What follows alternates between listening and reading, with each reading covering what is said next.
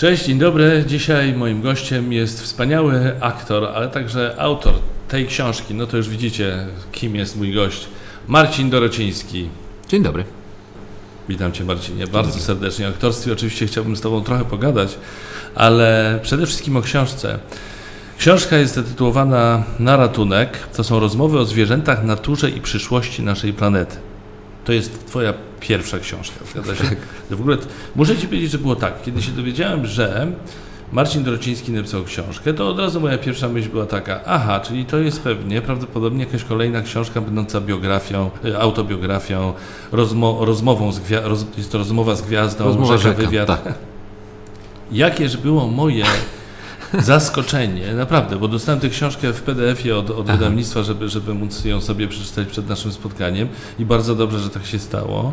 Kiedy zobaczyłem, że to są Twoje rozmowy o takich fantastycznych sprawach, o zwierzętach, o przyrodzie.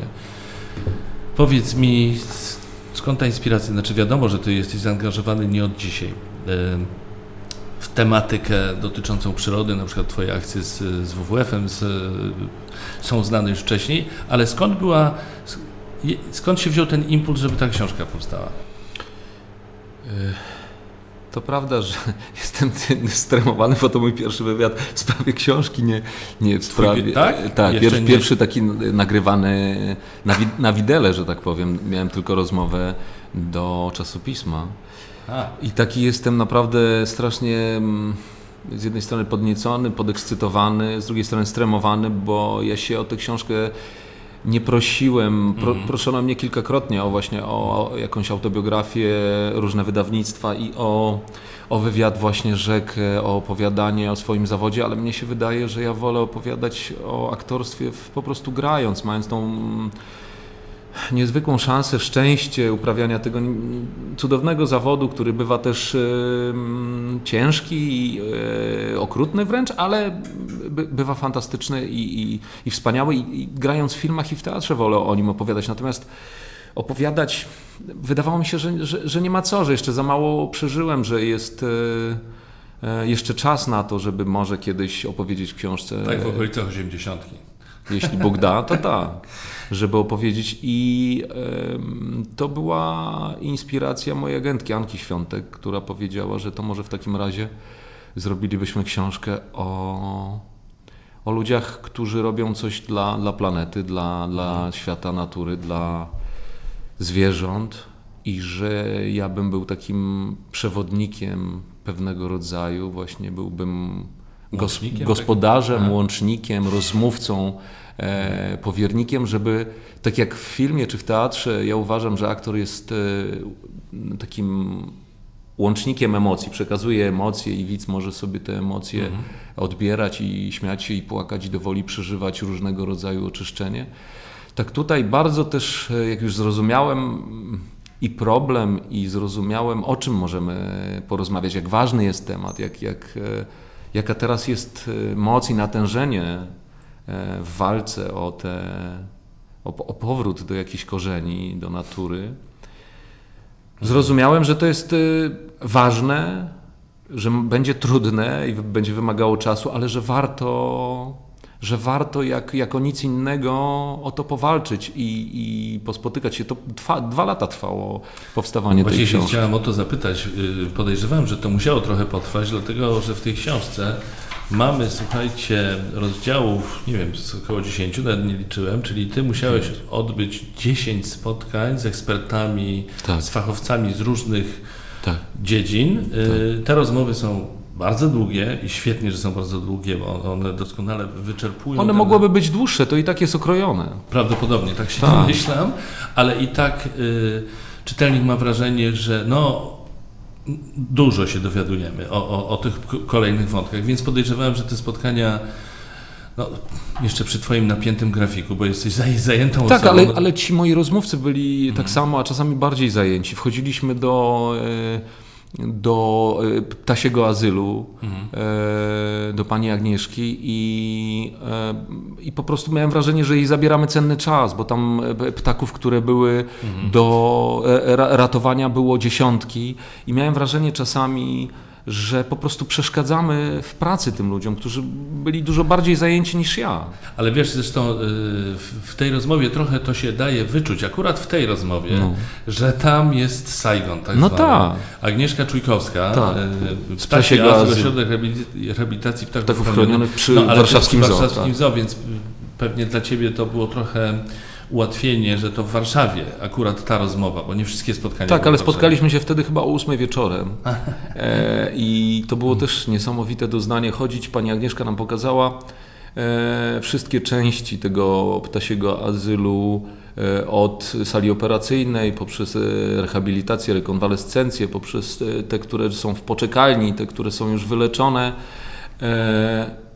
niesamowite doświadczenie człowieka w pracy. Tak, Saigon, tam było jak, jak mhm. niemalże na wojnie, tam co chwilę dziesiątki ptaków każdego dnia przywożone w różnych warunkach i ten spokój pani Agnieszki i jednocześnie to nawet nie zdenerwowanie, bo ona przyszła, w tej książce jest napisane, ona przyszła wszystkie, wszystkie etapy, mm, jakie przechodzi człowiek, który wie, co robi, a inni ludzie, którzy nie znają tego fachu, próbują hmm.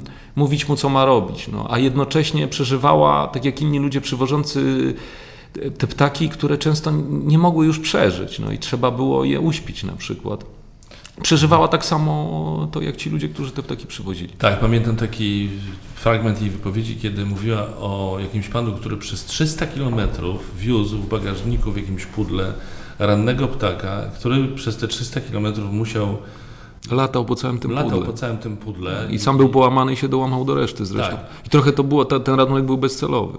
No właśnie. W ogóle można zrozumieć na podstawie tej rozmowy, jak to jest swoją drogą trudna historia. Tam jest instrukcja obsługi dotycząca tego, jak podejść do ptaka tak. i jak go zabrać, kiedy on jest ranny na przykład. Tak jest. Że to przez ubranie, że jakieś, tak. dobrze mieć jakieś, jakieś, nie wiem, nie, już nie pamiętam, czy tam była mowa o pudle, czy nie. Nie dotykać. Pudło może być, ale też, tak. żeby ten ptak nie tak. latał sam po pudle, tylko żeby po pierwsze, to co mówią też ci ludzie, którzy... Yy, którzy wiedzą to, co, co robią. Bo ta książka polega na tym, że ja zadaję pytania często, wydawałoby się głupie, niemądre, ale jak ktoś powiedział, nie ma głupich pytań. E, ci moi rozmówcy byli na tyle wyrozumiali, że odpowiadali mi po prostu w sposób taki. Ja zadawałem takie pytania, jak zadałby przysłowiowy Dorociński czy Kowalski po prostu. Tak zwany normalny Polak, który nie wie, co robić tak. ze zwierzęciem znalezionym właśnie ptakiem, jeżem czy psem. Mhm. I ci ludzie odpowiadali mi w sposób cierpliwy, i mm, ta książka ma też na celu, żeby jak nie wiemy, to zapytajmy kogoś, kto nam się wydaje autorytetem w rodzinie. A jeśli nie mamy tego w rodzinie, to zadzwońmy po prostu do, e, do takiego ptasiego azylu, czy też do ludzi, którzy pomagają jeżom, czy, czy do schroniska, czy do, czy do mm, błękitnego patrolu, do ludzi, którzy będą, udzielą nam tej informacji i to nie jest, nie wiem, e, grzech, czy to nie jest e, ujma, żeby pytać ludzi, którzy wiedzą trochę więcej od nas.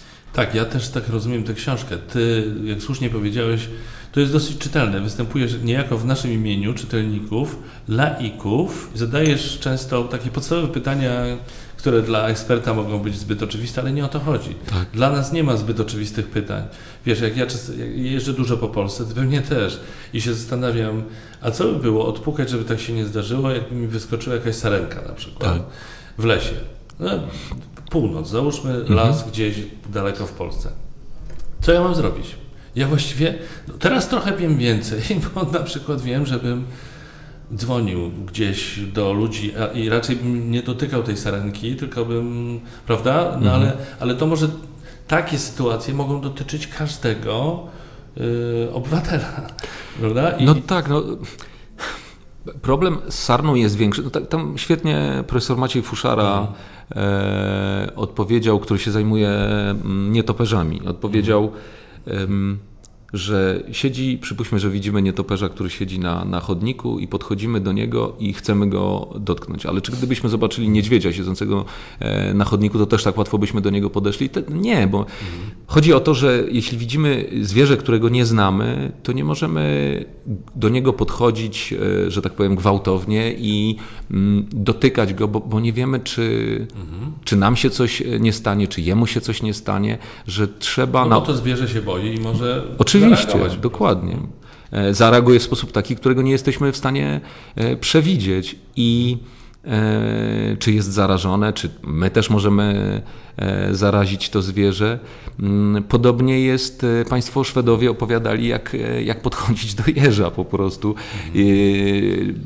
Kiedy. Jak do jeża. Tak jest, kiedy możemy pomóc jeżowi, kiedy, czym innym jest znaleźć zobaczyć matkę wędrującą przez e, park, która wie w jakim celu idzie, e, a czym innym jest zobaczyć błąkającego się małego, który nie wie jak, tracić, jak trafić do, e, do swojego domu i być może jego matka została przejechana przez samochód i wtedy trzeba mu pomóc, ale jak podejść, jak go dotykać, jak, jak się nim zaopiekować, ale przede wszystkim zadzwonić do ludzi, którzy wiedzą lepiej. Po prostu. Nie bać się, nie bać się pytać e, innych. A tylko wiesz, pojawia się pytanie zaraz, ale gdzie mam zadzwonić? Jak spotykam ale... jeża, który na przykład widać, że się nie jest w dobrej formie, Chciałem zadzwonić. Kto się zajmuje jeżami? Do zoo? Do, do Towarzystwa Opieki nad Jeżurkowo. Jeżurkowo. Jeżurkowo Magdalena Jaworska Szwed i Oktawian Szwed. Tak jest. Jeżurkowo, Ośrodek Rehabilitacji Dzikich Zwierząt. No dobrze. Gdzie jest ten ośrodek? Bo ja nie pamiętam. W Łomiankach. W Łomiankach pod Warszawą. Tak jest. No ale jeżeli ja znajdę tego y, jeża, załóżmy w zachodniopomorskim, to też mam do nich dzwonić? A dlaczego nie? To znaczy można wpisać w telefonie, kto pomaga jeżom. Myślę, że wyjdzie jeżurkowo mhm. i wtedy dokładnie. No to są ludzie mhm. tak oddani temu, co robią i tak oddani pomocy jeżom, mhm. co brzmi za każdym razem, kiedy sobie o tym myślę, że to jest po prostu niesamowite. E, Aha. takim małym istotom, bo dla innych ludzi, dla niektórych ludzi może się wydawać, że to jest, no jak, jeżom, po co pomagać jeżom? Po co, co, nam, co nam daje pomaganie jeżom? I za chwilę do tego, e, do tego wrócę, ale to są ludzie często, mm, wszyscy z tych ludzi, którzy pomagają zwierzętom są tacy, że jak się do nich zadzwoni o północy, szczególnie ci, którzy pomagają tym, tym dzikim, no, tym rzadkim, no, tak jak pani e, Sabina e, mhm. Pierużek-Nowak, która mm, jest z Towarzystwa Wilk. No, jak dostaną telefon, że wilk został potrącony albo że znaleziono wilka, który może być ranny, no to jadą w drugi koniec Polski, jakby nie, nie, nie wahają się. To jest to opisane zresztą w tym, tak. w tym rozdziale. A propos jeszcze tych różnych reakcji, których nie przewidzimy zwierzęcych, to zapominałem z rozdziału o ptakach, że zdaje się, żuraw ma taką właściwość, że potrafi błyskawicznie dziobem, wiesz, A tak, tak, dziobem, ma tak złożoną żuraw, szyję, że jak, że jak wysunie...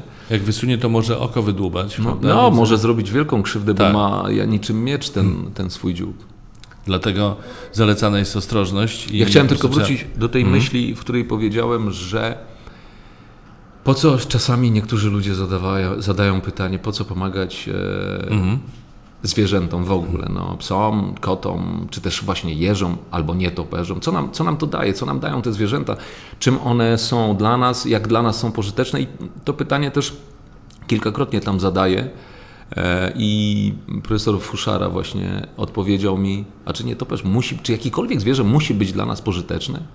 Mhm. Czy muszą te zwierzęta dla nas cokolwiek robić? Czy nie mogą po prostu żyć? Mhm. I wtedy też znowu miałem takie, kurczę, no tak, przecież to jest właściwie takie proste. Dlaczego wszystko, tak sobie zawłaszczyliśmy tę te Matkę Ziemię, że wydaje nam się, że wszystko musi być podporządkowane nam i musi służyć nam i musi być do, do cna e, wykorzystane, a chyba tak nie jest. Mhm. Y, a propos tego, co powiedziałeś przed chwilą, to do myślenia daje rozdział o wilkach, który jest zupełnie niesamowity, bo o wilkach się sporo niby wie, już od dawna przełamujemy te mity dotyczące wilków, że wilk to jest ten zły, prawda, czerwony kapturek i tak, tak. dalej. Ale ten rozdział jest naprawdę nie, niesłychany i ja się sam wielu rzeczy dowiedziałem. To, to, co powiedziałeś przed chwilą, no właśnie, wilk potrzebuje ogromnego obszaru dla swojej rodziny. Tam 300 zdaje się kilometrów no, kwadratowych jedna rodzina. Dla człowieka prawie nie, nie, tak. niewyobrażalne. Jakieś I, gigantyczne przestrzenie. Tak. I naprawdę nie jest zwierzęciem, które tylko czyha na, na życie człowieka. On ma swoje sprawy, jest bardzo rodzinny, tak. zajmuje się zdobywaniem pożywienia. I to, jest... to pamiętam, jak też opadła mi szczęka, jak pani e, Sabina opowiadała o tym, cudowna kobieta z takimi e, niesamowitymi oczyma, która jak tylko opowiada, w ogóle każda opowieść była ciekawa, bo tam e, z każdym z rozmówców, z którym się spotykaliśmy, e, mhm. to było, rozmawialiśmy o życiu, ja opowiadałem swoje historie, e, jakby żeby się poznać, porusza, poruszaliśmy mhm. różne tematy. Natomiast Natomiast kiedy pani Sabina mówiła o wilkach i o tym, jak one są właśnie opiekuńcze dla swoich małych, jak e, ten wilk przynosi to pożywienie i je mhm. takie lekko e, przechowywane tutaj w gardle, lekko e, strawione, czy też nie oddaje i ten mały to je, jak, jak te wilki się ocierają, jak zachowują się jak psy. Pamiętam, że chyba zadałem tam takie pytanie, czy uprawiają seks dla przyjemności. Tak, zadałeś.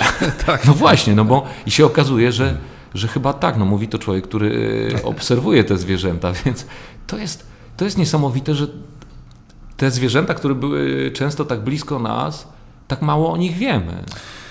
No właśnie i funkcjonują różnego rodzaju e, stereotypy. stereotypy tak, tak, Sabina Pieruszek-Nowak, jeszcze tylko dopowiem, z Stowarzyszenia dla Natury Wilk. I teraz e, powiem Ci o jednym rozdziale, który opuściłem, mhm. nie przeczytałem, bo, bo dotyczy stworzeń, z którymi mam pewien problem, tak jak niektórzy mają z pająkami, na przykład to ja z nietoperzami to mam, mhm. no, nie wiem, jakbym się znalazł w okolicy nietoperza, to, to myślę, że sobie z niedźwiedziem bym sobie lepiej poradził. Mhm. Nietoperz dla mnie jest takim dziwnym stworzeniem, że yy, obawiałem się trochę tego rozdziału. Że, Ale to przeczytaj, bo właśnie o tym jest mowa i profesor Maciej Fuszara mówi, mhm. że e, że właśnie to jest jedno ze stworzeń, o którym wiemy najmniej. No, bardzo mało wiemy. Ponieważ mieszka w, w takim. Mhm. W takich miejscach, w takich pomieszczeniach, w których jest po prostu ciemno. I nie da się, nie da się ich zaobserwować dobrze. I e, jak zapytałem, ile mamy gatunków, no, teraz nie pamiętam dokładnie, ale około 20 kilku mamy w Polsce. A w mhm. ogóle na świecie jest 1200? 1300? Gatunków jest... nietoperzy. Tak. I czym one jest... się różnią od siebie? A często się różnią tylko chociażby głosem, bo czasami mhm. e, tych różnych gacków jest, e, jest kilka. E, no, no, w Polsce jest ich dwadzieścia, dwadzieścia kilka. No tak. Już się wydawało, że, że jesteśmy w stanie odróżnić, bo jakiś e, ułożenie krwiobiegu na, je, na jednym skrzydle, jedne miały po jednej stronie, a drugie po drugiej stronie, a potem znaleziono takiego, który miał jedno takie, drugie takie i się okazało, że, że to nie, nie tym się różnią te, te gatunki. To tak jak rozmawiam z moim sąsiadem, e, z którym jeździmy na, na rowerach dużo i on fotografuje ptaki i on też mi opowiada takie rzeczy, że niektóre ptaki są tak samo ubarwione i są właściwie, mhm. mm, patrząc na nie, nie jesteśmy w stanie ich rozróżnić nawet na zdjęciu, już nie mówiąc o patrzeniu z jakiegoś dystansu dystansu mhm.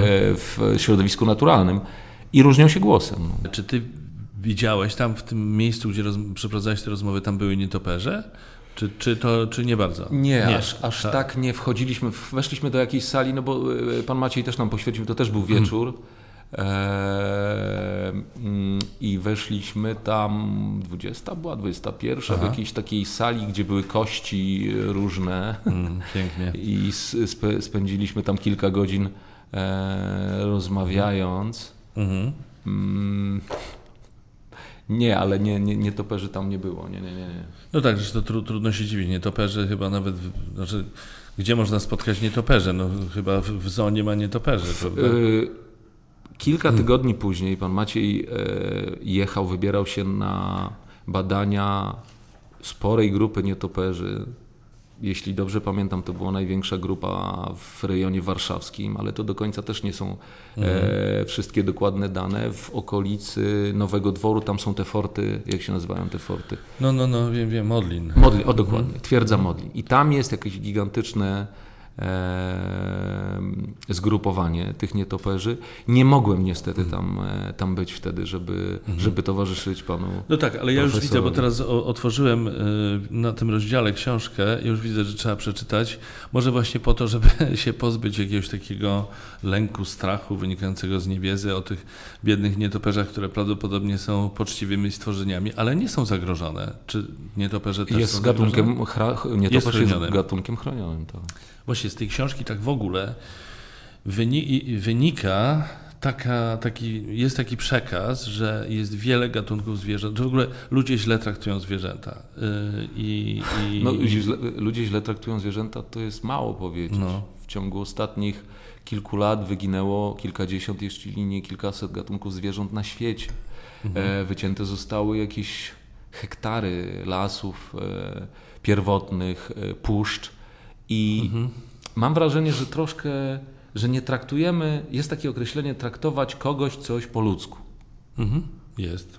Mhm. Mam wrażenie, że w tym że... przypadku to jest pejoratywne znaczenie. Że powinniśmy naturalnie traktować tę Matkę Ziemię, bo trochę był taki film kiedyś, serial Ballada o Januszku.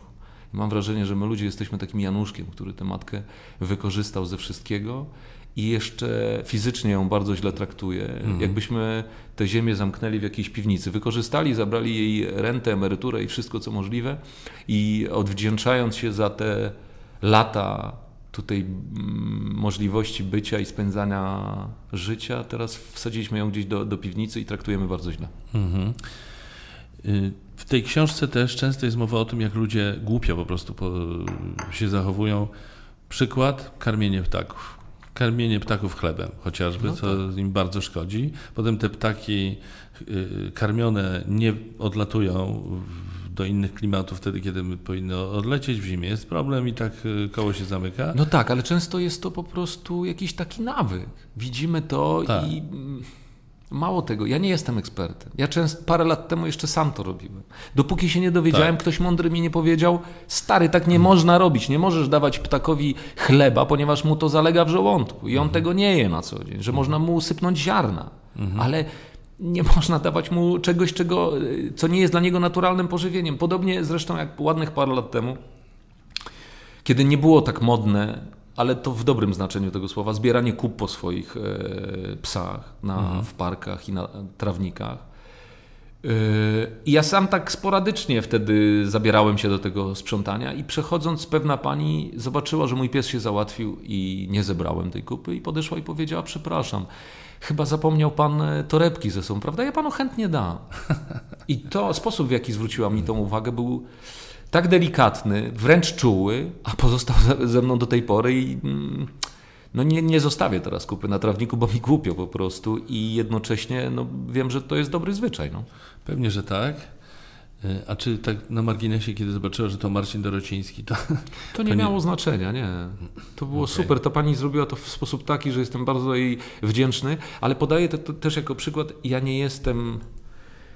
Ja się nie znam na ważnych mhm. rzeczach, tak jak znają się ludzie, z którymi miałem przyjemność rozmawiać. I ja się nie mądrzę. Ja mhm. tylko miałem przyjemność i to szczęście z nimi rozmawiać i dzielę się z innymi ludźmi tą wiedzą i zachęcam do zdobywania wiedzy, jeśli nie przez moją książkę, to po prostu w jakikolwiek inny sposób, żeby wiedzieć, co, co robić i jak żyć. Tak, i to jest bardzo czytelna formuła tej książki i, i, tu jest bardzo dużo y, wiedzy. Super formuła. To znaczy, ty występujesz niejako w naszym imieniu i zadajesz super pytania, a eksperci odpowiadają na te pytania, zresztą tak. bardzo ciekawie. Y, no właśnie, bo ka każdy, każdy, każda z tych osób y, jest aż żałuję, że nie mogłem zabrać ze sobą kamery i że, że to nie zostało nagrane, bo ci ludzie są niesamowicie interesujące. Oprócz tego o świecie, w który, który opowiadają, o zwierzętach, to są po prostu często tacy, dla mnie to są bohaterowie, to są herosi, to są jak, oni są jak z filmów. Tak. No.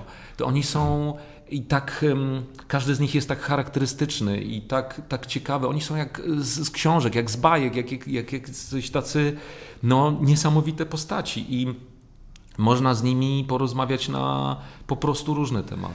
Nie, cie, niezwykle ciężko pracują, ale jednocześnie to jest ich pasja, są tak. piekielnie zaangażowani i mają niesamowitą wiedzę. I tak. To jest ogromna wartość tej książki. Także... I oni sami powtarzają to, że są wdzięczni mnie i osobom takim, e, które mówią o tym i nagłaśniają ten temat, bo ich głos jest niesłyszalny nie chcą niektórzy słyszeć. To znaczy, mam na myśli tutaj polityków i ludzi e, możnych tego świata, którzy za, za, zachowują się jak te trzy małpki, które zasłaniają sobie uszy, oczy i, i usta. Nie chcą słyszeć głosu ludzi, którzy znają się na tym, a. Yy, inspiracją, do, do, też do, do jakby upewnieniem się w tym, że, wa, że warto, że trzeba o tym krzyczeć, E, jest, jest też część e, z profesorem Szymonem e, Malinowskim, Malinowskim. Instytutu Geofizyki, Geofizyki PAN, tak. Zanikanie tak. Świata, bo tutaj rozmawiacie już o bardzo poważnej, no ogólnej tak. sprawie, czyli co nas czeka.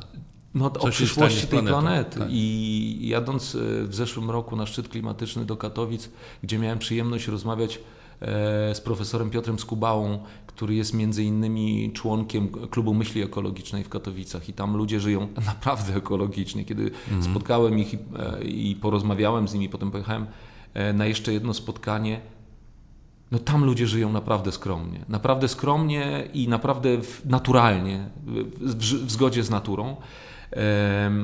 Ale jadąc, e, jadąc na to spotkanie i tam przyczynkiem do rozmowy e, z profesorem Skubałą było, był film Znikająca Wyspa, e, który w oryginale brzmi Anton's Ark, a Anton to jest imię prezydenta Kiribati, który walczy o to, żeby świat zobaczył na przykładzie tej, tej, tego archipelagu wysp Kiribati, który za kilka lat już całkowicie będzie pod wodą. Ta mhm. wyspa tonie i i ten kraj znika pod wodą ze względu na globalne ocieplenie. I, I, ten prezydent walczy o to, żeby mhm. kupować ziemię w Australii i w Nowej Zelandii i przenosi tam swój naród.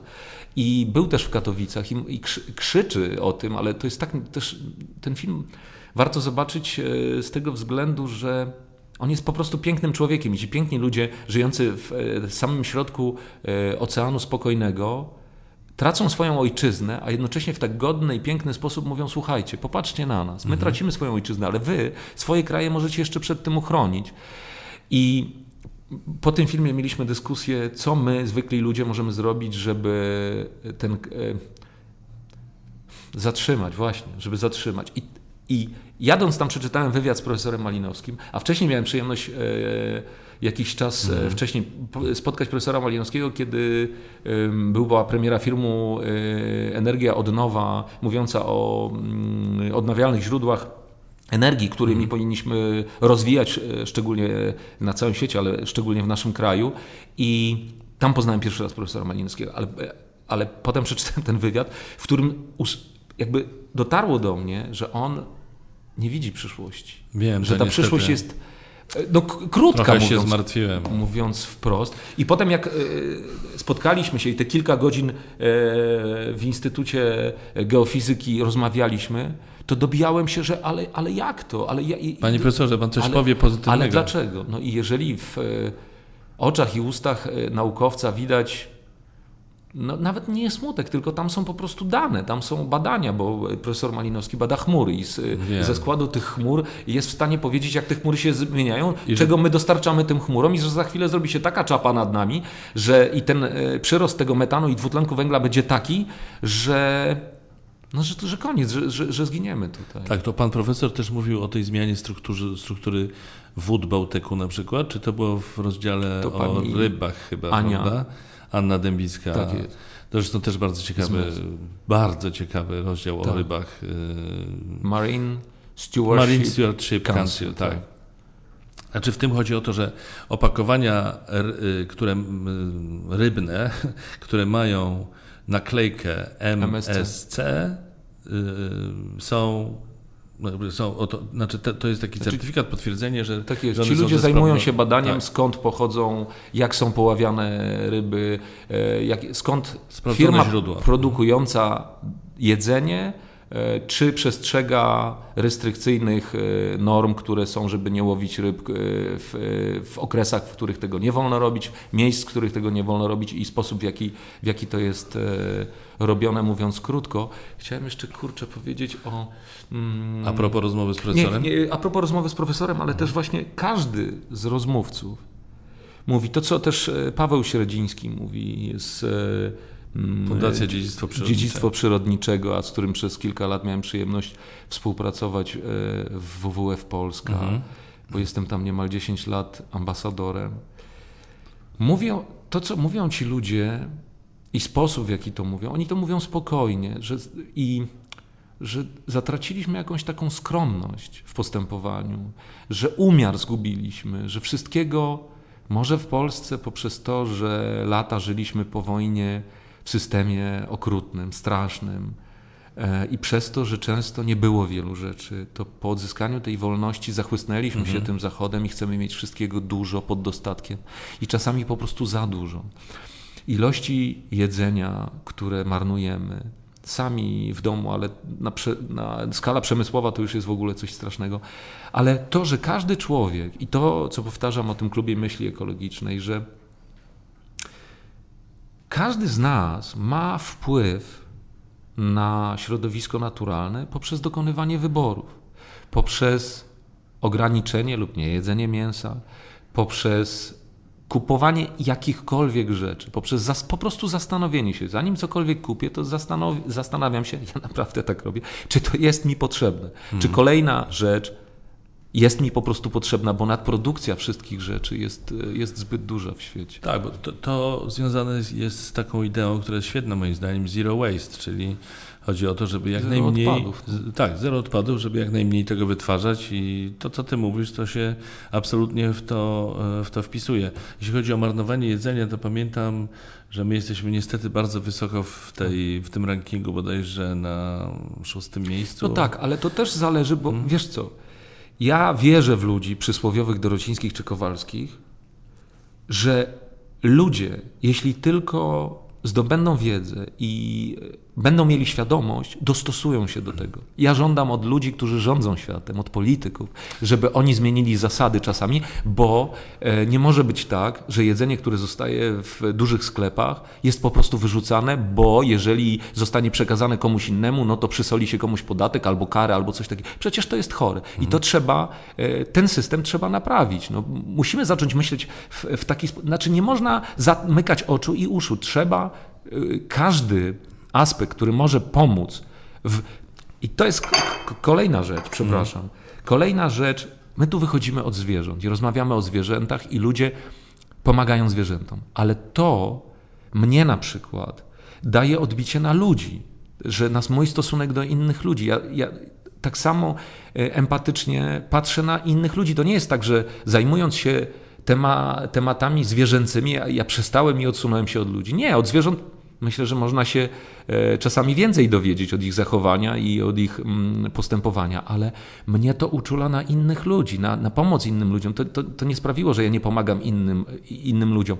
I każda istota żyjąca po prostu za, zasługuje na szacunek i na to, żebyśmy sobie na, nawzajem pomagali. Dlatego, jeżeli ktoś ma czegoś więcej, fajnie jest, jeśli może się e, podzielić z tym, kto ma mniej. Jeśli ktoś jest słabszy, fajnie jest, jeśli ten silniejszy może, się, e, może pomóc temu słabszemu. Marcin, kiedy mówisz takim ogniem w oczach o, o, tych wszystkich sprawach, to przypomina mi się postać Leonarda DiCaprio, który z takim e, ogniem, odbierając Oscara, nawiązał do spraw związanych z klimatem. I że może ty powinieneś być takim, wiesz, ambasadorem, który, wiesz, jeździ w różnych miejscach i namawia polityków, bo nie jest łatwo przekonać polityków do różnych zmian istotnych. Staram się tylko no tak, ale może to teraz jest ważniejsze, bo ja się spełniam w swoim zawodzie mm. i. E, no ale może rzeczywiście sytuacja tego wymaga, żeby się spotkać. I, znaczy, ja się chętnie spotkam z kimś, kto mm. będzie chciał słuchać. Ale jeśli to ma być grocho ścianę, to, to wolałbym nie. Ale chęt, chętnie się spotkam. Natomiast to, o czym powiedziałeś o Leonardo DiCaprio, który jest głosem, bo, bo miliony ludzi na świecie go uwielbiają poprzez jego role filmowe. Ja sam go uwielbiam za film Co gryzie Gilberta Grape'a. Mm kiedy w wieku kilkunastu lat zagrał tak, że prawda, tak. szelki pospadały i e, to było niesamowite. No i w ostatnim Tarantino daje radę. Ja tak, ja jeszcze fanem. tego filmu nie widziałem, o, więc chętnie polecam. zobaczę. No tak, no w wielu filmach e, daje no tak. radę, ale tam ten młody chłopiec no, siedzi we mnie cały czas, genialny, tym, genialny, co tak. gryzie Gilberta Grape'a, ale zmierzam do tego, że świadomość wśród młodych ludzi jest coraz większa, chociażby Greta Thunberg, czy, czy też przed nią, bo przecież teraz e, w przypadku płomiennego przemówienia Grety i mm, przypomniano rok 92 wystąpienie Severn Kalis e, Suzuki, mm. która już wtedy mówiła o, o wymieraniu gatunków, o wycinaniu lasów. To było 27 lat temu. Jakie wyciągnęliśmy z tego wnioski? Żadne. To było 27 lat temu. I e, cieszy to, że, i podziwiam tych młodych ludzi, którzy mówią o tym głośno, bo, bo to o nich chodzi i o ich dzieci my prawdopodobnie dożyjemy w jako takim jeszcze e, no niespokoju, ale jako tako dociągniemy, ale nasze dzieci i ich dzieci, to, to co, co my im szykujemy? I to, to jest godne podziwu. Jeżeli ktokolwiek ośmiela się mówić o tych dzieciach, podważać ich ideały i mm. mówić o nich, szydzić z nich, no to to jest bardzo słabe.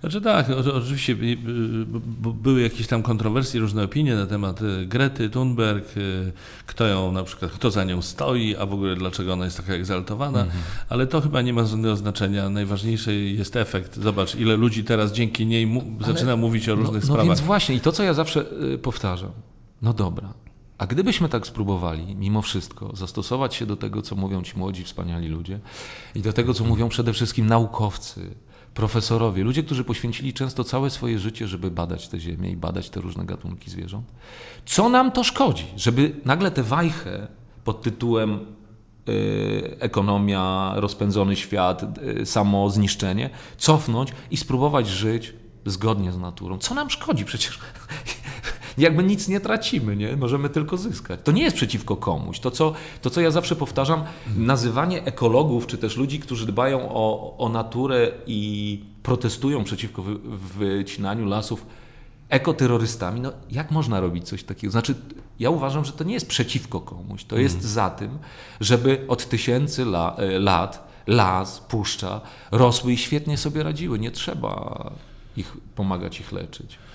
Marcin, naprawdę jestem pod wielkim wrażeniem. Gratuluję Ci tej książki. Jest po prostu świetna. Bardzo Jeszcze dziękuję. raz przypomnę Wam, Marcin Dorociński, książka na ratunek. Wspaniale wydana zresztą, wydawnictwo Znak, renomowane. Piękne zdjęcia Szymona Szcześniaka. Właśnie, w środku są zdjęcia. Jest bardzo czytelna, podzielona na, w sposób czytelny na rozdziały, z których każdy zresztą ma podsumowanie. To jest tak. takie podsumowanie na zasadzie pamiętajcie, a propos tego, o czym mówiliśmy w tym rozdziale, to ważne jest to, to, to i to. Takie nawet praktyczne wskazówki, co zrobić, jak się spotka ranne zwierzę gdzieś w lesie albo na jezdni. Także naprawdę y, jeszcze raz Ci gratuluję i, i, teraz przejdźmy na chwilę do innych spraw, które chciałem z Tobą omówić, Dobrze. ale pierwsze pytanie łączy się zresztą z tą działalnością, o której mówiliśmy, bo niedawno pojawił się taki spot, który zrobiłeś dla organizacji WWF, w którym demolujesz mieszkanie. To jest, y, muszę przyznać, dosyć szokujące. Marcin Dorociński z, no, ze, z jakąś taką złością, energicznie bardzo niszczy w domyśle, w cudzysłowie, swoje mieszkanie. O co chodzi w tym spocie? No, ten, znaczy nie, przepraszam cię, ja, ja zadaję to pytanie, chociaż właściwie tam jest wszystko jasne, bo no ty tak. przecież to tłumaczysz. Mówi, no nie, no wyobraź no, sobie, żebyś zniszczył swoje mieszkanie, a tak właśnie robisz no, tak. z ziemią. Niszcząc przyrodę, niszczysz własny dom. E, jakby to jest znak równości postawiony. To jest tak, że wcześniej mówiliśmy o tych drobnych rzeczach, o, tych, o tym zdobywaniu wiedzy i świadomości, co my możemy zrobić, żeby uratować Ziemię, mówiąc górnolotnie, mm. że każdy może uratować, zaczynając od siebie. Natomiast nie trzeba jej ratować, wystarczy jej nie niszczyć. To znaczy, jak widzę, idąc plażą i widzę te setki petów wciśniętych e, wzdłuż przejścia, jak widzę w lesie, czy w, nie daj Boże w puszczy wchodząc, te śmieci pozostawione i, wy, i wyrzucone od drobnych petów papierków po czymkolwiek, butelki poprzez gruzowiska, telewizory, samochody, myślę sobie, kurczę, no dlaczego? Dlaczego tak? No i w sposób taki bardziej świadomy, mniej świadomy, e, zyskując parę złotych na, na śmieciarce, na wyrzuceniu tego, na pozbyciu się tego w sposób jakiś taki cywilizowany, niszczymy tę naszą planetę, ale to też się odnosi do naszych zachowań codziennych, nadużywając e, zużycia wody, nie segregując śmieci, nadużywając jedzenia, mięsa.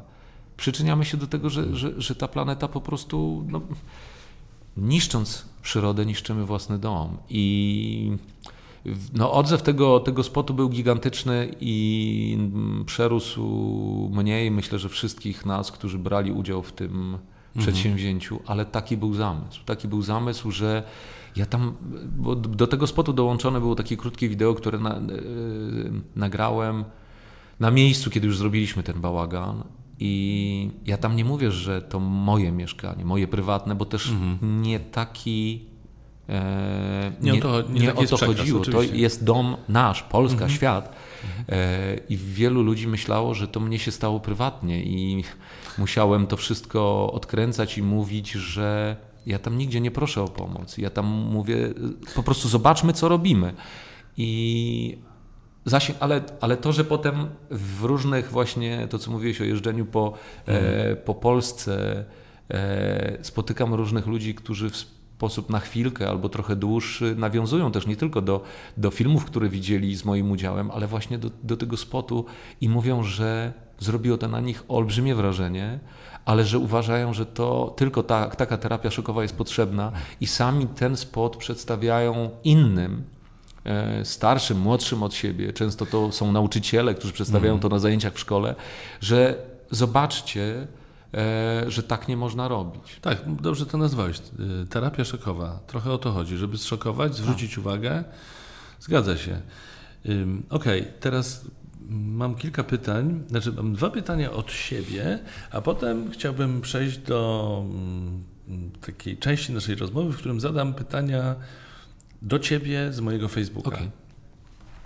Pierwsze moje pytanie do Ciebie, które odbiega od, y, od spraw, o któ- których mówiliśmy do tej pory, dotyczy y, serialu Netflixa The Queen's Gambit, no bo mm, gruchnęła taka informacja, że dołączasz do, do, do obsady tego filmu i że będziesz grał mistrza sza- szachowego Wasylija Borgowa, a więc jak rozumiem nie Polaka. Rosjanin. No i że w, y, m, premiera będzie w 2020 roku. Powiedz coś więcej o tym projekcie. Brzmi fajnie. E, Brzmi fajnie, jak dużo rzeczy w moim życiu przyszło nieoczekiwanie i jakby tak gruchnęło, taka fajna, taki bonus, takie coś ekstra. Aha. Takie coś, co spotyka się w naszym życiu, coś, czego nie oczekujemy, a na co pracowaliśmy e, latami, bo e, propozycja do tego serialu mm, przyszła od jednej z reżyserek castingu, które poznałem na festiwalu w Kilkenny na, w Irlandii, na który miałem przyjemność jeździć e, przez kilka lat. I ten festiwal jest o tyle inny od innych festiwali na świecie, że oprócz pokazywanych filmów z udziałem wielu aktorów można odbyć tam spotkania. Tam przyjeżdża kilkudziesięciu reżyserów castingu z całego świata. Hmm. I to wygląda, jest kilka dni i ma się 15, taki speed dating troszkę. Ma się po 15 minut na rozmowę z. E, Z jakimś szefem castingu, tak? tak, z tymi ludźmi, którzy są z Francji, z Anglii, z Niemiec, ze Szwecji, z, mm, Aha.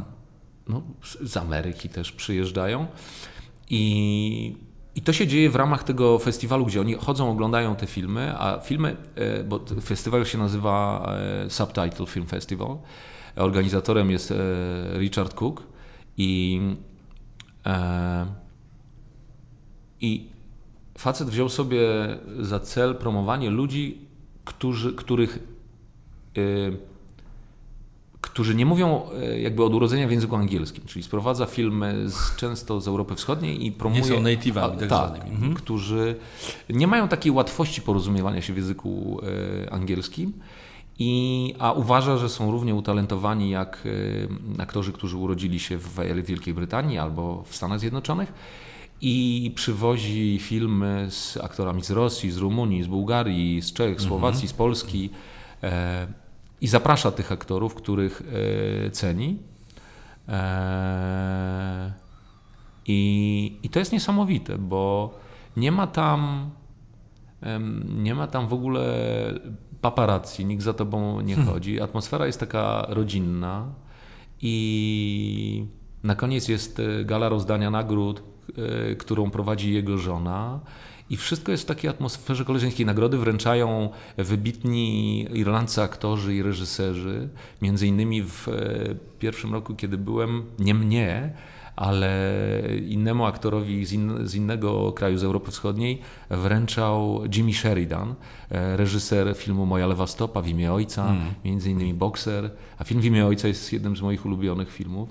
I potem, kiedy ja dostałem tę nagrodę i stałem mm, przy barze, on podszedł też i stał e, przy barze i po prostu nie mogłem uwierzyć, że stoję obok Jimmy'ego Sheridana i że zagadałem do niego w ogóle i że potem poprosiłem, czy się mogę do niego przytulić, bo, bo, bo Aha. ten film był e, naprawdę dla mnie bardzo ważny w imię ojca i Daniel Day-Lewis, który No tam zagrał nie, nie, niewiarygodnie, który jest jakimś takim aktorem, e, który może być wzorem dla, dla, dla aktorów, którzy szukają inspiracji.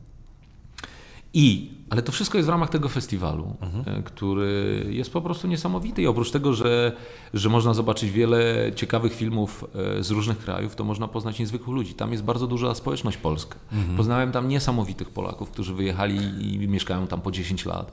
Mówisz Byłem... o Irlandii w ogóle. Tak, mówię. Tak, ja też poznałem wielu Mówię o Irlandii. Bywałem u, u nich tak. w domach. Tak. E, ja tam byłem, miód i wino piłem i rozmawiałem z nimi i to są niesamowici ludzie. Zgadza się. I czułem się tam naprawdę jak w domu. I nagle po kilku latach bycia tam na tym festiwalu przychodzi propozycja, kiedy jestem sobie z rodziną nad morzem, przychodzi od e, Richard też e, został moim agentem e, w Wielkiej Brytanii i przychodzi propozycja i Ania Świątek, moja agentka mówi, słuchaj, Rysiek przysłał propozycję, E, amerykański Netflix, e, bez self-tape'u, bez castingu, bo ja wykonuję też takich propozycji, gdzie trzeba samemu nagrać e, okay. taśmę, czyli przychodzi scena, Nagrywasz. Stawiamy, hmm. nagrywasz się, wysyłasz, to to ja nagrywałem dziesiątki.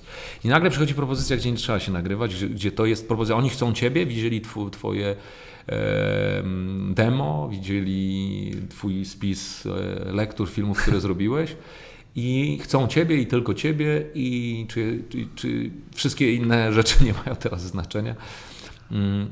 No i człowiek wtedy sobie myśli, kurczę, fajnie, no, ktoś te lata pracy docenił i te lata pracy wszystkich ludzi właśnie i moje, moje agentki tutaj, mojego agenta tam i te, te starania nagle przychodzi w momencie, kiedy się tego człowiek nie spodziewał, no to jako taki, taki bonus. Jednocześnie razem z nim przychodzi strach, lęk, czy podołam, czy Boże, no e, znowu człowiek czuje się jak student i czy, czy, czy dam radę i znowu w obcym języku, i znowu u obcych ludzi i... Ale Marcin, wczoraj w obcym języku, ale jednocześnie z rosyjskim akcentem? Nie, tam na szczęście nie mogę wszystkiego opowiedzieć. A, co że, możesz powiedzieć? Żeby nie, nie zepsuć radości z oglądania, Jasne. ale na szczęście mówię tam po rosyjsku. A język po rosyjsku? Tak. E, po angielsku też, ale język rosyjski jest, e, to chyba dla mnie jest najpiękniejszy język e, scenicznie, mhm. kiedy widzę aktorów grających po rosyjsku albo śpiewających po no to, to tak jak w niektórych filmach, to jest jak, jak, jak jakiś fetysz, jak, to jest coś wspaniałego. Natomiast kiedyś e, w latach 80., e, kiedy w, podstaw, w, szkole podstawowej i w szkole średniej jedynym słusznym językiem był język rosyjski, tak mogliśmy mhm. pomarzyć sobie o tak. uczeniu się niemieckiego czy też angielskiego. Ja mówiłem dosyć dobrze po rosyjsku, a potem, e, kiedy trzeba było nienawidzić tego wschodniego e, e, naszego sąsiada, człowiek tak chciał wyrzucić z siebie. Teraz żałuję, że jakby nie. A, wszyscy to mamy. Ja że przesiedliśmy się na angielski, czy też na inne języki i znowu stała się ta wolność, a zapomnieliśmy o tak pięknym języku Prawda? i wspaniałych ludziach. Co ja 8 lat się uczyłem, tak jak wszyscy z mojego pokolenia rosyjskiego w szkole i prawie nic nie pamiętam i bardzo tego żałuję. No ale tak nienawidziliśmy tego, co się wtedy działo, że się odpychało to. Ale czekaj, rozumiem, że nauczyłeś się w szkole, ale nie tylko w szkole, jeszcze poza szkołą się uczyłeś rosyjskiego? Rosyjskiego tak? nie, no wystarczyło. Myśmy mieli taką okay. Nauczycielkę w podstawówce, panią Wyszyńską, A. że stary, no nie dało rady nie mówić po rosyjsku dobrze. To wspaniale i teraz to się przydaje i jednocześnie teraz będziesz mówił po angielsku, tak. no bo nie jesteś native'em, że, więc rozumiem, że ten akcent, który masz, to akurat dobrze się złoży. Eee, tak? Nie mogę opowiedzieć do okay, końca. Dobra, dobra. To, yy, powiedz mi, a możesz powiedzieć ile dni zdjęciowych? Około 20. To bardzo dużo, ale to jest serial ilo... Sześciodcinkowy. A, to, to jest główny, to jest ktoś, kto jest koszmarem nocnym dla głównej bohaterki, którą gra Ania Taylor-Joy. Mhm. E, bardzo młoda, bardzo zdolna, mm, zjawiskowa dziewczyna, która jak przeczytałem e, scenariusz, to pierwszą myślą miałem taką kurczę, ale chciałem, za, chciałbym zagrać tą Beth, tą główną e, bohaterkę. E, a potem mówię, kurczę, chciałbym poznać tą dziewczynę, co ją zagra, bo ta postać jest grana, no nie mogę mówić za No tak, tak, tak. E, no ale jak zobaczyłem, spojrzałem w oczy tej Ani Taylor-Joy, to pomyślałem sobie, no bardzo dobrze jest obsadzona i i, no i to, to jest klucz, no, bo ta dziewczynka jest cały czas yy, na ekranie. Znaczy już miałeś spotkania, rozumiem? Ja już zagrałem tam trzy dni. A już zagrałeś trzy dni? A gdzie? Tak, w Berlinie. W Berlinie? Tak. To też dobrze akurat. Bardzo dobrze. Bardzo dobrze, bo blisko i mm, plany były takie, że miałem też wyjeżdżać do, do, do Stanów, ale E, myślę, że to na, lepiej, że mhm. udało się to zaaranżować, e, wszystkie te zdjęcia w, w Berlinie, bo bliżej, ze Stanami Zjednoczonymi, do których w końcu może zostaną zniesione te wizy. Mam taką historię, byłem tam dwa razy mhm. i dwa razy po dwa dni. Żeby było śmiesznie. I dwa razy byłem w pracy. Najpierw pojechaliśmy z filmem Jack Strong mhm. e, Władysława Pasikowskiego nagrywać sceny w Waszyngtonie. I spędziliśmy tam dwa dni i wróciliśmy, także nie zobaczyłem za dużo tego Waszyngtonu. A potem byliśmy w Chicago i w Nowym Jorku ze spektaklem Merlin Mongo w reżyserii Bogusława Lindy. Jeden dzień tu, jeden dzień tu. Tak, naprawdę. I też nie zobaczyłem e, za dużo ani Chicago, ani Nowego Jorku, więc być dwa razy w Stanach i nie za dużo zobaczyć, to naprawdę jest czad. No ale może w końcu pojedziemy na dłużej e, z rodziną, e, jak te wizy zostaną E, no będzie łatwiej, niewątpliwie. Czyli jeśli chodzi o serial net, y, ten Netflixowy, to nie będziesz miał zdjęć w Stanach? Nie. A, okej. Okay. A powiedz mi, czym się różni plan Netflixa filmowy od planu takiego statystycznego polskiego filmu? Właściwie niczym. Jest więcej mhm. ludzi, jest więcej mhm. asystentów, jest, e, ale przez to też nie wiem, czy, czy, czy jest aż tak dużo sprawniej, bo czasami niektórzy powielają swoje, swoje ruchy i przepływ informacji jest dużo, dużo, dużo dalszy. Niczym mhm. się naprawdę praca. Miałem przyjemność pracować w kilku zagranicznych produkcjach i w brytyjskich, i w duńskich, i teraz w holenderskich, i w niemieckiej. Ten, to wszystko, ci ludzie z tych departamentów są do siebie bardzo podobni. Jesteś w stanie po sposobie mówienia, ubierania się, tatuażach zobaczyć, kto jest z dźwięku, kto jest z dekoracji, kto jest e, z make-upu. Naprawdę. Mhm. Już teraz ten świat jest tak. Te otwarte granice i to, że ludzie pracują i podróżują po całym świecie, to jest, jesteśmy bardzo, bardzo podobni. Dwa słowa, jak możesz, powiedz o mm, filmie Psy 3 w imię zasad. Kiedy on się ukaże i czy jesteś zadowolony, czy już coś widziałeś? Jakieś, bo zdjęcia już się skończyły, tak, prawda? My nagrywamy ten program, żeby było jasne, ostatniego dnia września, 30 września 2019 tak. rok. Tak. Eee, tak, tak. Zdjęcia się skończyły w 20 chyba sierpnia. Ja skończyłem swo, swoje nagrywanie na początku sierpnia. Eee, no, no, uśmiecham się, więc jakby to są. Władek Pasikowski jest e, takim facetem, takim reżyserem, do których, e, do których się tęskni i do których, jak przychodzi propozycja, to się po prostu idzie jak w dym. E, I no do tego po prostu nie trzeba mhm. namawiać. No i jeszcze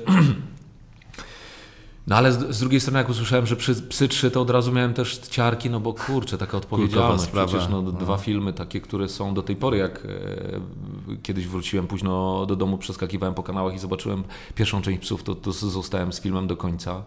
E, to są po prostu dobre filmy. No. E, to, to, co rozmawialiśmy, zanim zaczęliśmy nagrywać, no, mm. nawet e, każdy film, który jest dobry, nawet ten z początku wieku, który jest filmem niemym, po prostu jak jest dobry, to będzie, będzie dobry wiecznie. Mm, I taka odpowiedzialność, że, że, że bierzesz udział w czymś, co, co, co właśnie jest kultowe, i ale to po, po takich i po tym, że nie możesz spać tuż przed pierwszym dniem zdjęciowym, że cię boli brzuch i tak dalej.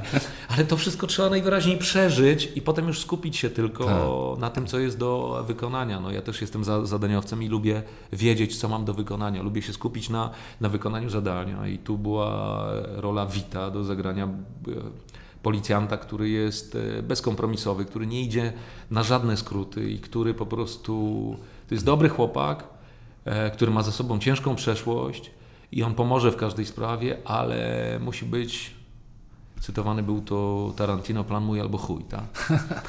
Więc musi Aha. być zgodnie z literą prawa. Mm, I no, pierwsze moje pytanie oczywiście, jak, e, jak Władek zadzwonił, to czy, czy, czy gra Bogusław, no, Bogusław Linda, Franz Maurer. No oczywiście gra Bogusław, gra e, Cezary Pazura. Mhm. Ale oni mają mniejsze role. Nie, się, nie? Nie, nie to A. są jakieś, jakieś, każdy pisze co, czasami co usłyszy. Tak, przeczytałem po prostu, no tak.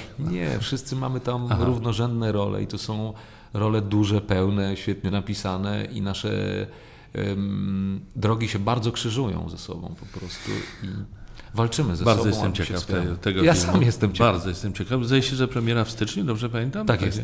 Któregoś stycznia? 17? 14? Mm. Jakoś no, tak. To do, do sprawdzenia, jeszcze mam trochę czasu.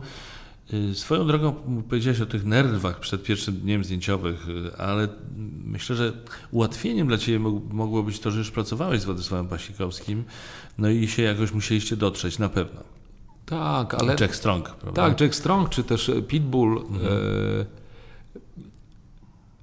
czy też myśmy sobie z Władkiem przypomnieli, że ja brałem e, udział w takiej małej rulce w serialu Glina, który on robił mhm. i to było no, kilkanaście lat temu. Czyli Ale Glina to jest ten z, Jerzym Radziwiłowiciem? Tak, mhm. e, Glina to był, tak. Tak. I on wtedy nie poświęcił, ja tam grałem jakiegoś fotografa i to mhm. było no, jeden dzień chyba zdjęciowy. Wtedy mi za dużo czasu nie poświęcił. No tak. Ale... A potem się to zmieniło. Potem się troszkę to zmieniło znaczy, i zaczęliśmy się poznawać lepiej. No właśnie, z punktu widzenia widza wasza współpraca przy Jack Strong na przykład była bardzo udana. Ja uważam, że to jest świetny film. Widziałem go parę razy i jeszcze, Też jeszcze przy okazji Ci gratuluję. Film. Lubisz, no właśnie. Bardzo, bardzo, bardzo i mm, reakcje też ludzi do tej pory na, na ulicy, czy też mhm. w różnych miejscach, którzy kłaniały mi się do, dzień dobry panie pułkowniku, albo, albo wyrażają swoją dezaprobatę, mhm. że zagrałem zdrajcę ich zdaniem. To jest, to jest niesamowite. To jest też jakiś taki bagaż, który aktor niesie ze sobą, grając postacie historyczne, z czym się trzeba mierzyć. Natomiast, no tak, mam duży sentyment do tego filmu i wiem, ile tam zdrowia i serca zostawiliśmy, no ale to. No, widać na ekranie. Uwaga, Chociaż, żeby nie było tak za, za tu, tu, muszę Dobra. powiedzieć fajną, możemy to wyciąć w razie czego, Aha. fajną anegdotę związaną właśnie z tym pobytem dwudniowym w Stanach, kiedy wjeżdżaliśmy Aha. i oficer na bramce tak mi się przygląda i mówi, no widzę tutaj wizę pracowniczą, a co ty tu będziesz robił, synu?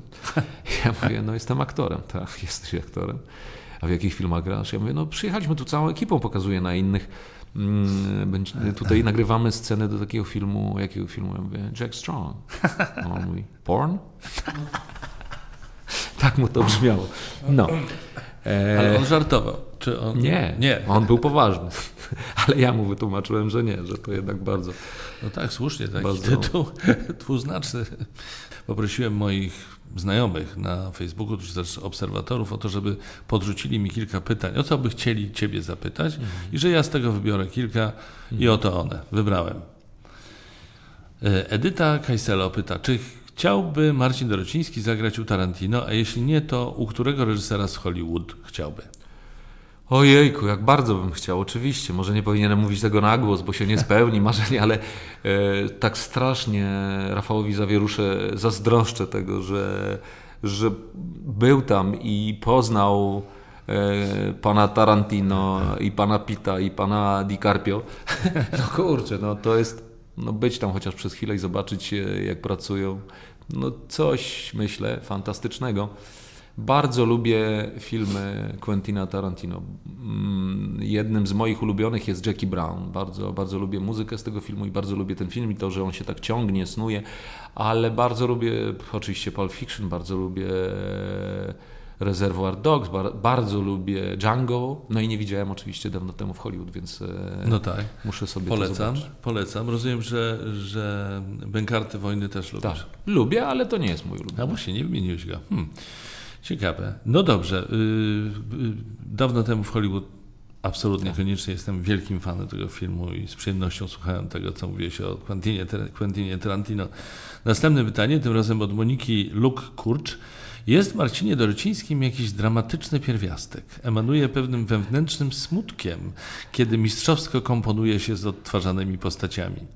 Ciekawi mnie, jakie role preferuje aktor, komediowe czy właśnie dramatyczne, w jakich czuje się najlepiej.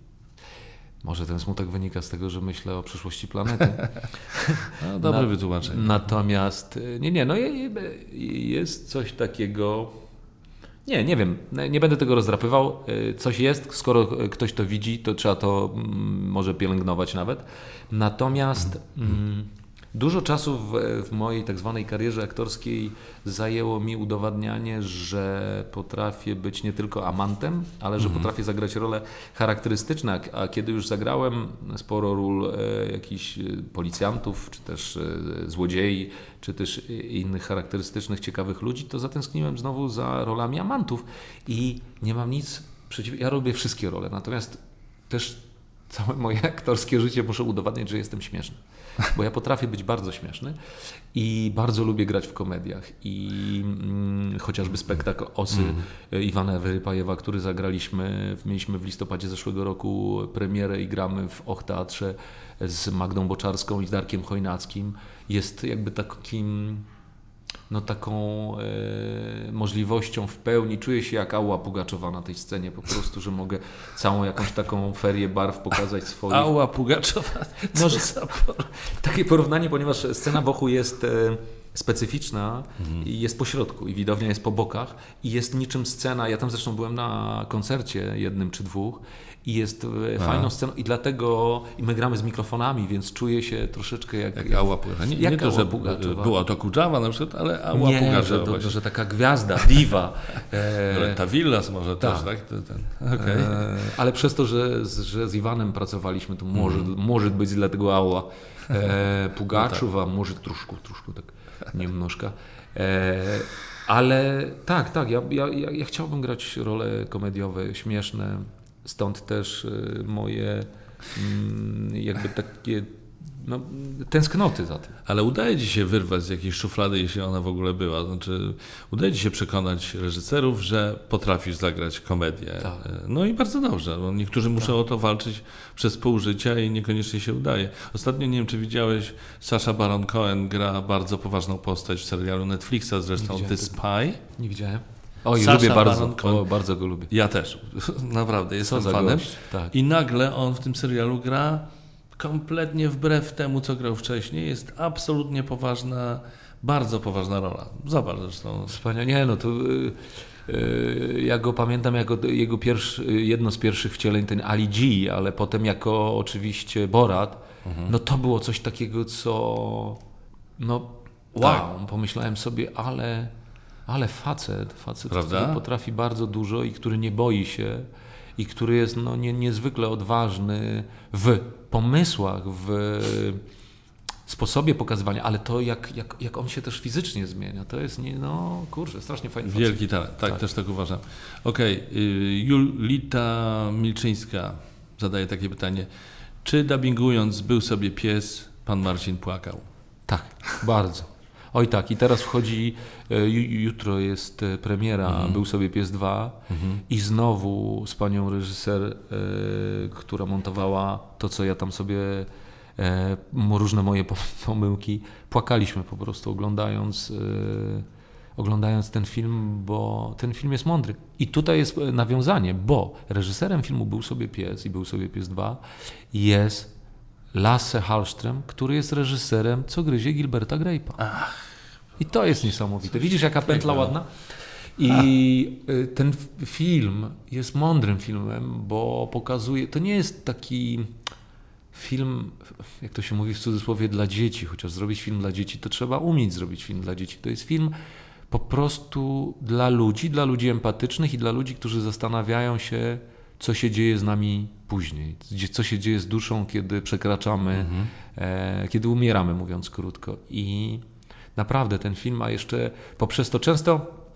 No, na filmach, e, gdzie, gdzie widzimy historie często bardzo dramatyczne, ale grają aktorzy, to nam się trudno wzruszać. Ale jak widzimy filmy o zwierzętach albo animowane, o Jezu, ja na przykład to ryczę e, totalnie, całkowicie.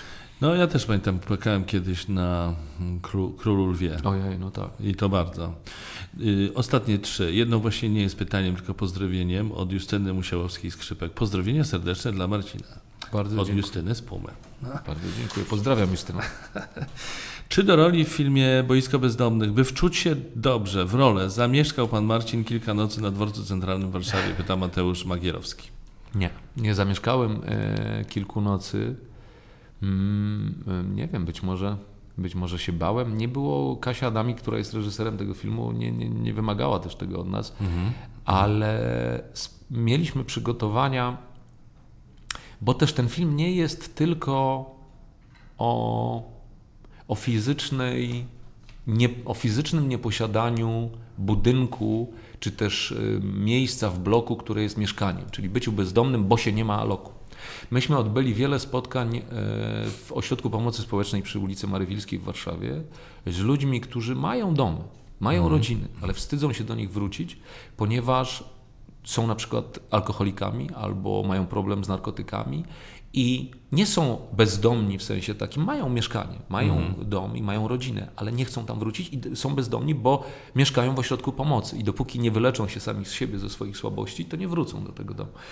I to było, o tym jest ten film, o przestawaniu byciem człowiekiem, a stawaniu się, jak oni sami siebie określali, śmieciem, czymś niepotrzebnym, wyrzutkiem.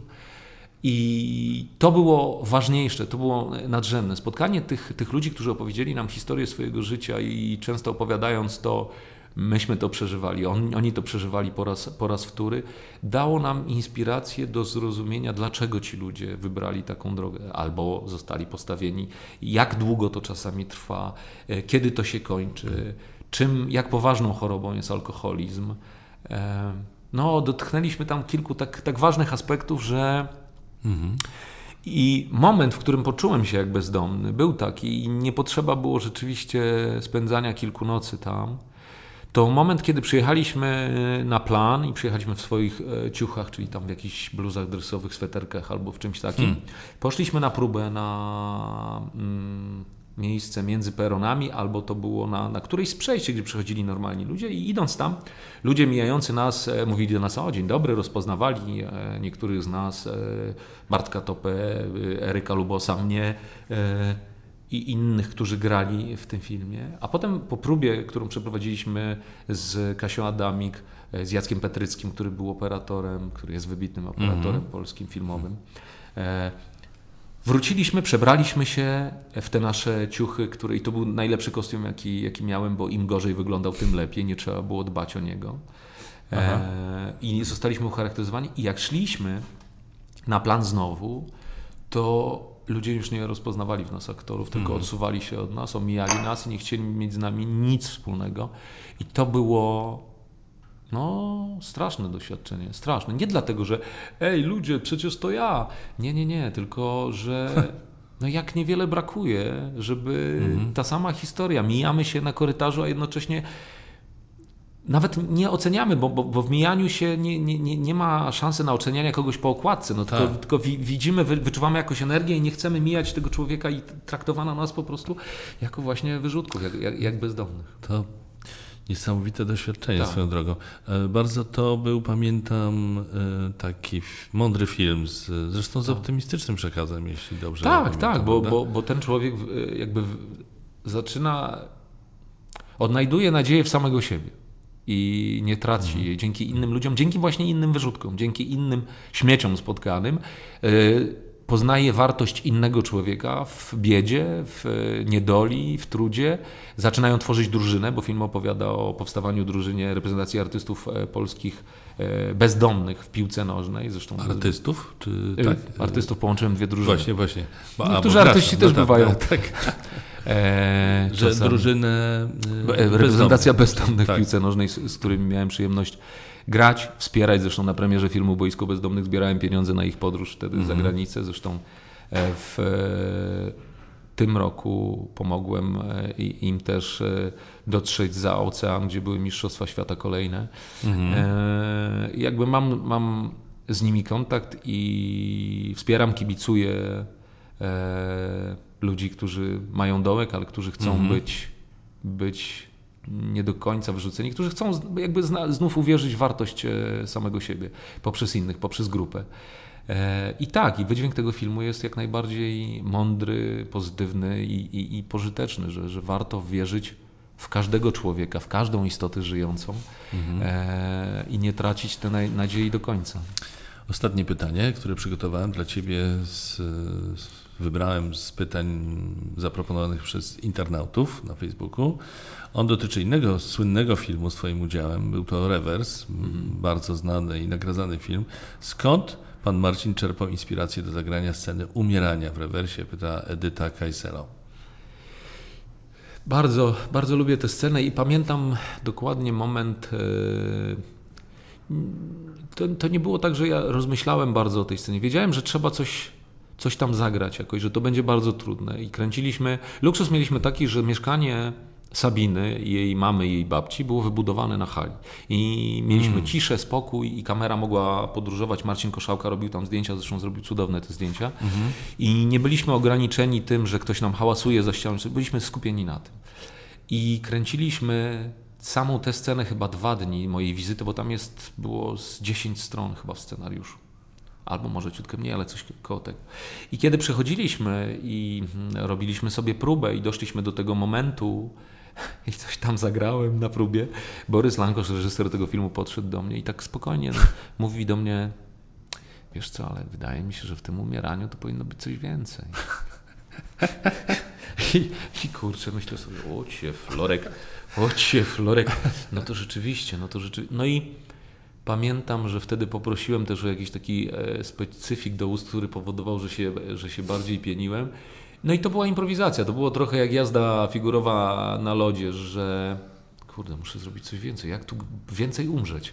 No, e, to, to jest akurat takie doświadczenie, którego człowiek nie zna. Znaczy nie, tak, nie, wie, nie wiemy, tak. jak umiera. Jak, I, no. I pomyślałem sobie o tym, bo, bo zawsze sobie mówiliśmy, że ten facet to jest diabeł wcielony, że to, to, to nie jest tylko łubek, to nie jest tylko e, zły człowiek, który urodził się dobrym chłopakiem, tylko pochodził e, z takiej rodziny be, bez tradycji e, jakichś, nie wiem, e, narodowościowych, czy też, e, nie wiem, wyzwoleńczych, czy łatwo go było zwerwo, zbe, zwerbować, przekonać mhm. do tego, że ten system totalitarny jest jedyny, słuszny i trzeba w jego imieniu łamać innych ludzi, mhm. łamać ich charaktery i podporządkowywać sobie. I taki był jego cel, jakby w rozkochiwaniu w sobie Sabiny, głównej bohaterki graną przez Agatę Buzek.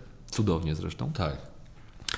I, ale to, co nam przy, przyświecało, to co Borys też powiedział na początku prób, że to jest diabeł. To, co przychodzi, on ją kusi tam i on ją po prostu mówi do niej, no to myślę sobie, no to trzeba, żeby teraz zdechł, e, że ona zabiła jakiegoś po prostu mhm. stwora.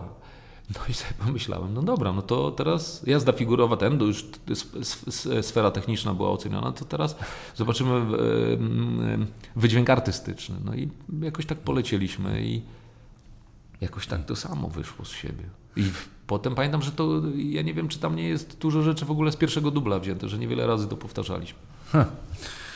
Bardzo dziękuję. Ja mam takie wrażenie, ale jest to pewność wręcz, nie tylko wrażenie, że moglibyśmy bardzo długo rozmawiać o różnych bardzo sprawach, chętnie. które dotyczą, więc być może uda się kiedyś spotkać ponownie, żeby omówić Twoje inne role i dać e, innym internautom szansę na zadanie pytań. Naprawdę bardzo mi się miło z Tobą rozmawiało, no Marcinie. Również.